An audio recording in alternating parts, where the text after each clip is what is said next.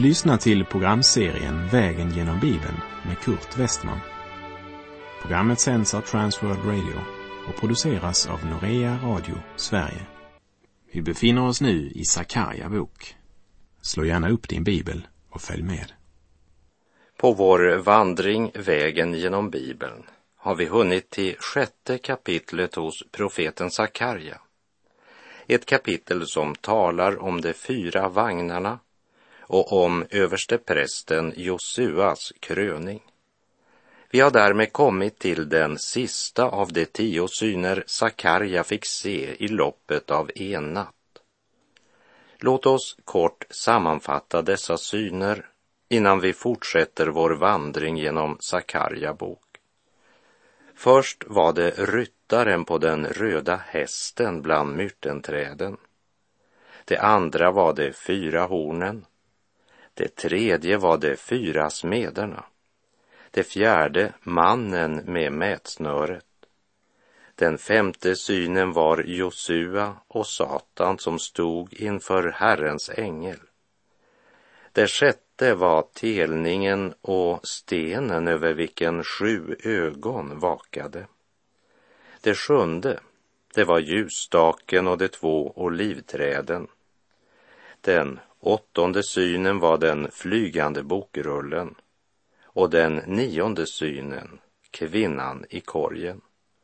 Och nu kommer vi till den tionde synen där Sakarja ser fyra vagnar mellan två berg av koppar. Jag vill påminna att det är många bibeltolkare som menar att det endast är åtta syner Sakarja ser.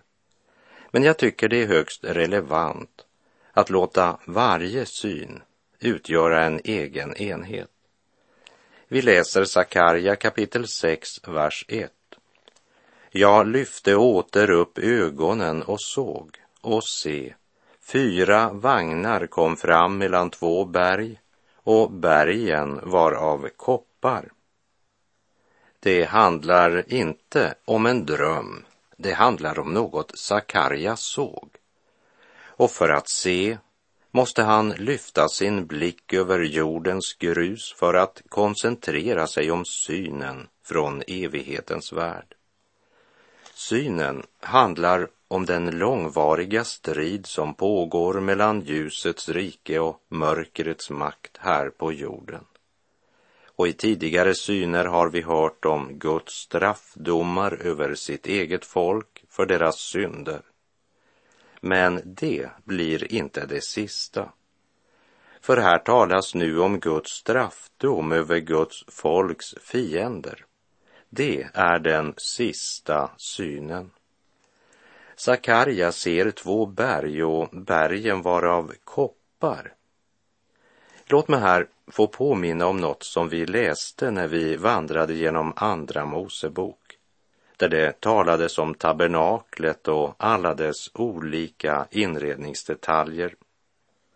Staketet eller omhänget som gick runt omkring hela tabernaklet, både det allra heligaste, det heliga och även omkring förgården. Det var cirka två och en halv meter högt och av tvinnat vitt garn. Det talade om Guds renhet, Guds helighet talade om att här ska man inte klättra över eller kliva under. Det vill säga, man kliver inte in i gemenskapen med Gud hur som helst. Mot öst var ingången till tabernaklets förgård. Den här ingången eller dörren förkunnade att det bara var en dörr som leder till gemenskapen med Gud. Dörren eller förhänget var av mörkblått, purpurrött, rosenrött och tvinnat vitt garn. Det blå symboliserade det himmelska, honom som talar och det sker. Den blå färgen förkunnar att han som är dörren, han är också profet. Det är ett av hans ämbeten. Den purpurröda förkunnar hans ämbete som konung och det rosenröda eller blodröda hans ämbete som överste präst, profet, konung och överste präst. Och det vita talar om att han är helig, fullkomlig, ren. När man så går in genom dörren, då blir altaret av koppar, eller brännofferaltaret, det första du möter. Och koppar talar om Guds dom över synden. En bild på Jesu Kristi försoningsverk på Golgata. Det första som sker i mötet med Gud, det är att syndens problem blir behandlat, åtgärdat. Gud dömer synden, men frikänner syndaren. Någon offras istället för mig, tar min plats. Låt oss komma ihåg att brännofferaltaret det var överdraget med koppar. Och låt oss komma ihåg att koppar talar om Guds dom över synden. När vi går några steg längre in i tabernaklet, då blir det nästa vi möter på vägen från brännofferaltaret, på vår väg mot det heliga.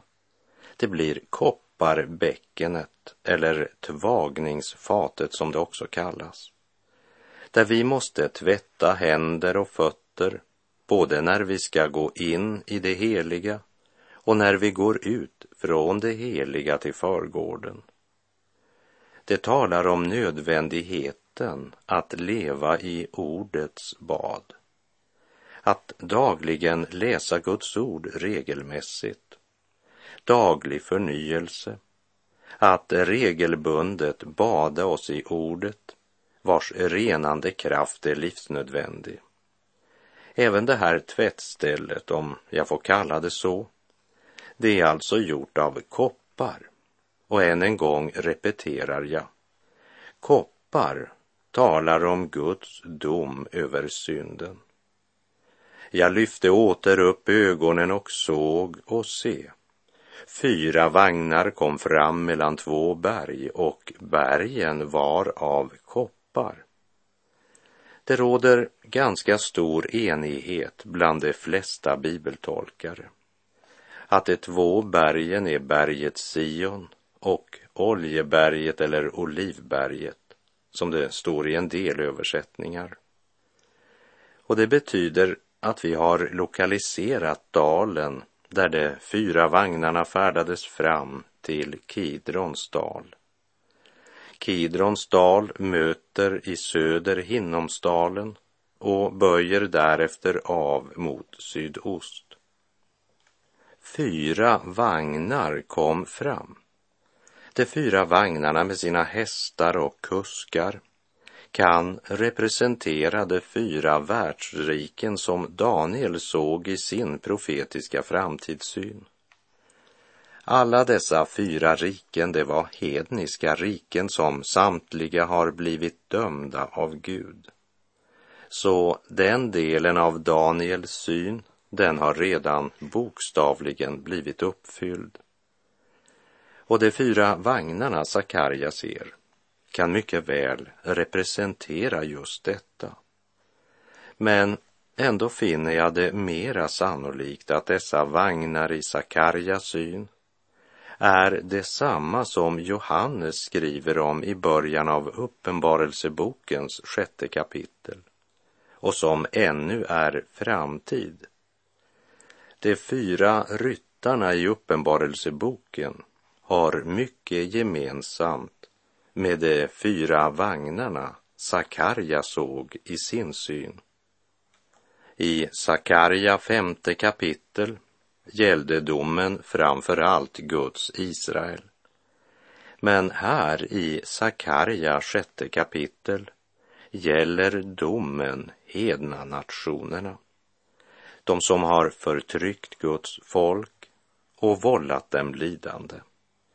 Och det uppenbarar därmed inte bara den dom över hedninganationerna som redan har verkställts, utan talar också om den dom som ska komma vid vår tidsålders avslutning.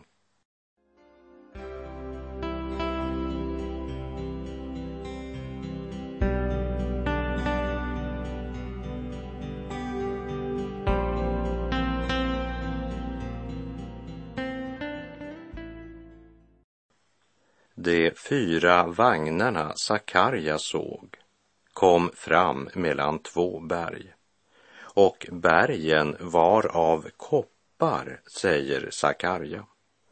Koppar talar alltså om Guds dom över synden. Guds dom över hedna nationerna ska alltså börja i Kidrons dal. Och domen som sker i fyra steg eller etapper symboliseras här av fyra vagnar. Vi läser Sakarja kapitel 6, vers 2 och 3.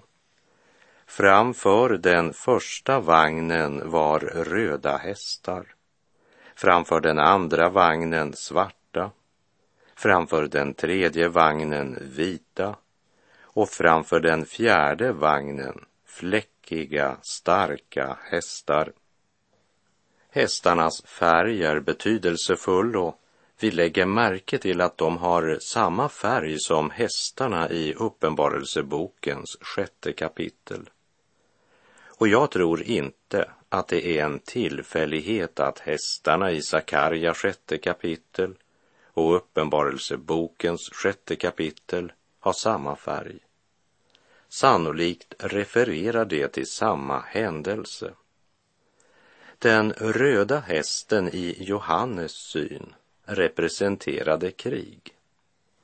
Den svarta hästen representerade hungersnöd. Den blekgula hästen representerade döden. Samtliga talar om dom från den allsmäktige Gud. Men den första hästen, den vita hästen i Uppenbarelseboken 6, vad representerar den? Även i Sakarjas syn återfinner vi den vita hästen som sannolikt representerar seger. I Johannes syn kommer den vita hästen först och den följs omedelbart av krigets röda häst. Därför tror jag att den första hästen representerar Antikrist som ska erbjuda mänskligheten en falsk fred för en liten tid. Men freden är falsk eftersom den mycket snart följs av den röda häst som representerar krig. Och krig ska bryta ut över jorden.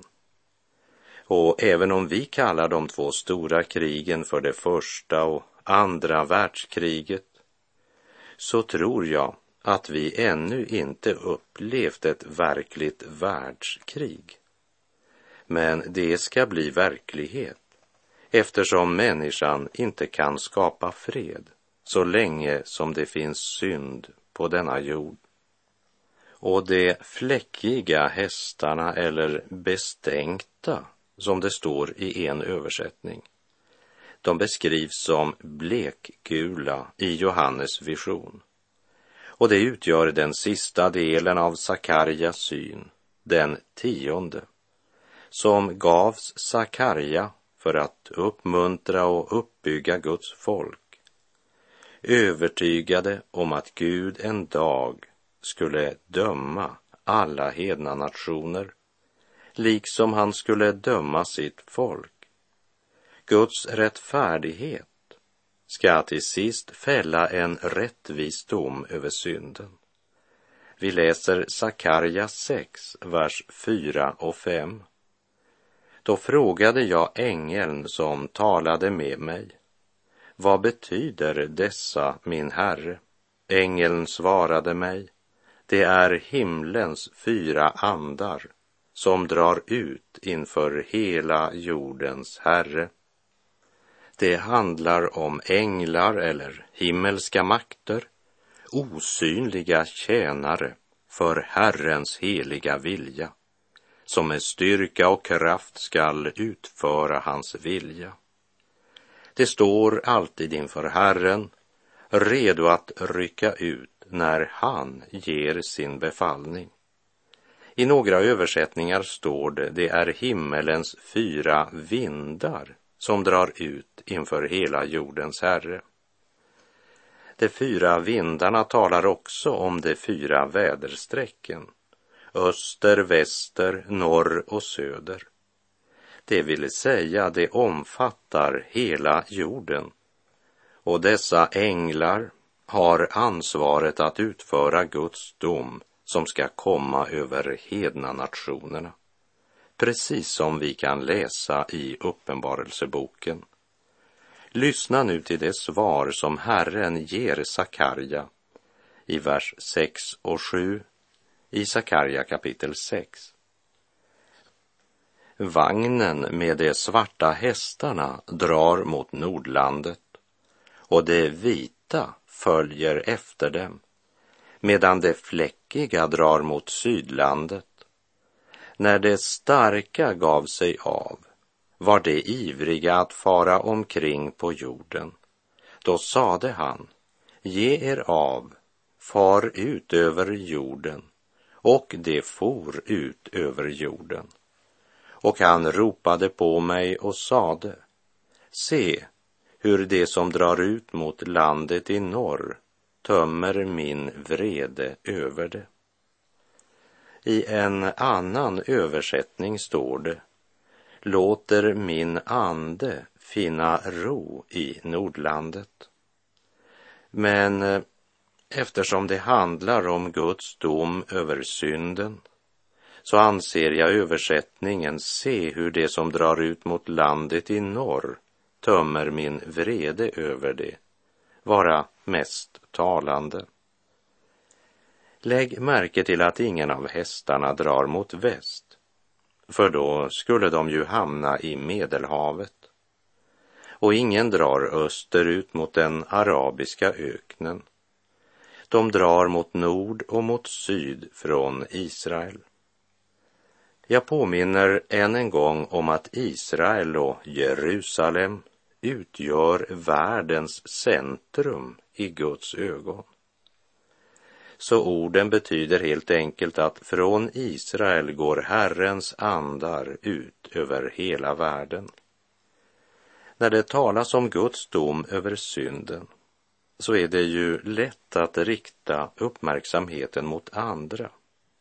Och hungersnöd råder det ju redan i Ryssland till exempel. Men låt oss inte glömma att också Skandinavien ligger i nord och att vi inte är undantagna när Gud ska låta alla jordens nationer skörda syndens konsekvenser. Och dessa fyra vagnar representerar Guds dom. Och med detta så avslutas de tio syner som Gud gav Sakarja.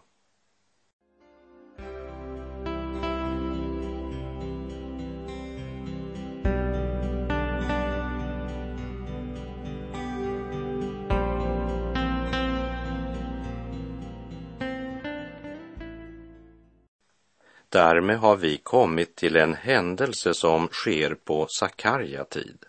Sakarja 6, vers 9 och 10. Herrens ord kom till mig, han sade, tag emot gåvorna från de landsflyktiga, från Heldai, Tobia och Jedaja. Gå samma dag bort till det hus som tillhör Josua, Sefanjas son, dit dessa har begett sig efter återkomsten från Babel. Här får vi veta namnen på tre av dem som återvänt från Babel. Tre män som kommit till Josuas hus. Här vill jag bara påminna om att det handlar inte om översteprästen Josua, vars far heter Josadak. Men här talas om en annan Josua vars far hette Sefanja. Heldai, Tobia och Jedaja. De hade tydligen inte kommit tillsammans med någon av de två grupperna som återvänt till Israel, utan de hade rest för sig själva och uppenbart anlänt senare.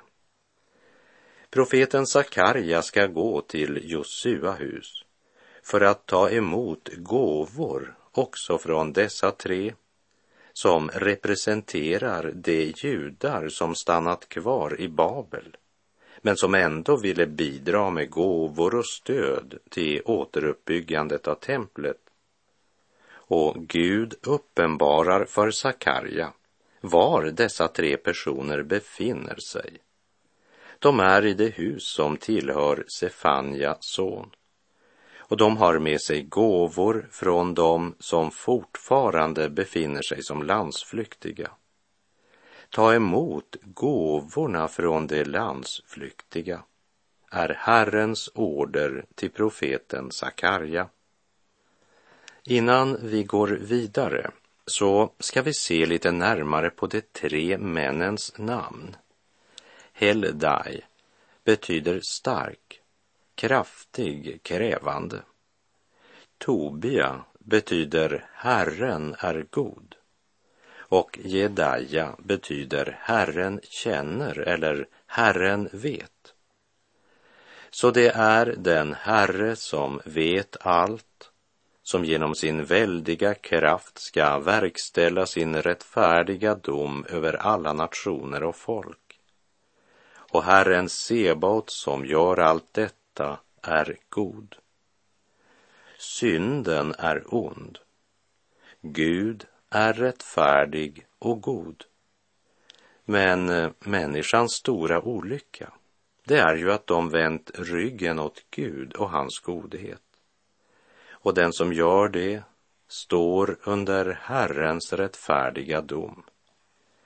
Sakarja får alltså order att gå till Josua hus där ska han finna tre män som kommit från de landsflyktiga i Babel med många och rika gåvor, som bland annat ska användas när Herren skall kröna Josua, Josadaks son, till överste präst. Tag emot gåvorna från de landsflyktiga. Från vår vandring genom Esra bok så minns vi att Esra bok är historien om hur Gud kallar ett folk i fångenskap att skilja lag med Babylons liv och utvandra för att återvända till Kanan och som Guds folk leva som Herrens förlösta i Juda och Jerusalem. Gud gav Israels folk möjligheten att återvända från Babels fångenskap och till Jerusalem och Juda. Men det var endast en liten minoritet som valde att återvända. Många judar hade blivit så hemmastadda i Babylon att de ville inte företa en lång och strävsam resa för att återvända till ett land som var jämnat till marken av fienderna och där huvudstaden låg i ruiner. De blev frivilligt kvar i främlingslandet, för deras hjärtan var mera i Babel än i Jerusalem. Men bland dem som blev kvar i Babel så fanns det också sådana som inte kunde glömma Jerusalem och templet och som gav gåvor som skulle vara till stöd för återuppbyggnaden. Det är intressant att lägga märke till att Gud inte föraktade dessa gåvor. Gud väljer att använda just dessa gåvor för att göra den krona med vilken överste prästen Josua ska krönas. Det är möjligt att profeten Sakarja inte ansåg gåvorna från de som blivit kvar i fångenskapet som värdiga. Det vet jag inte med säkerhet. Men det är i alla fall tydligt att Gud ansåg det nödvändigt att i klartext uppmana Sakarja att ta emot dessa gåvor. Ta emot gåvorna från de landsflyktiga, säger Herren. Det är som om Gud ville säga till Sakarja. Jag förbehåller mig rätten att välsigna människor med andra meningar än dina ta emot gåvorna från de landsflyktiga. Kära vän som lyssnar, Känner du det som om alla dina gåvor är ovärdiga och som om du själv var ovärdig? Min vän, Gud frågar inte efter din värdighet, bara efter ditt hjärta.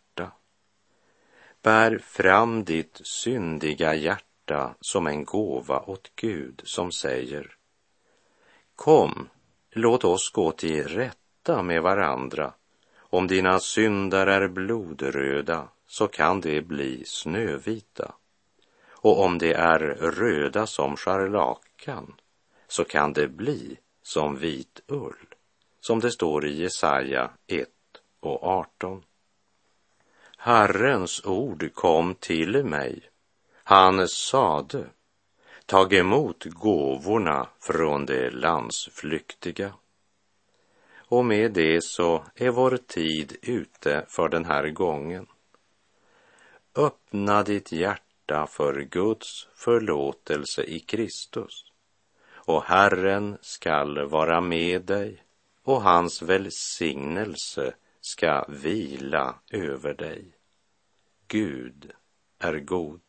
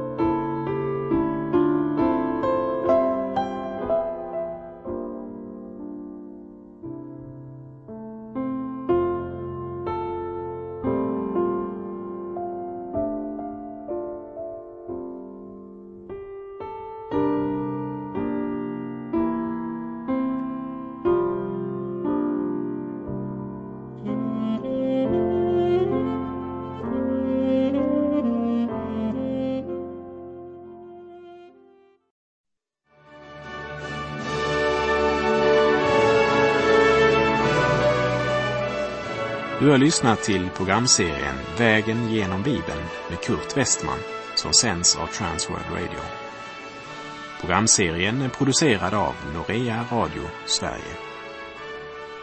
Om du önskar mer information om vårt radiomissionsarbete så skriv till Norea Radio Sverige, box 3419 103 68, Stockholm.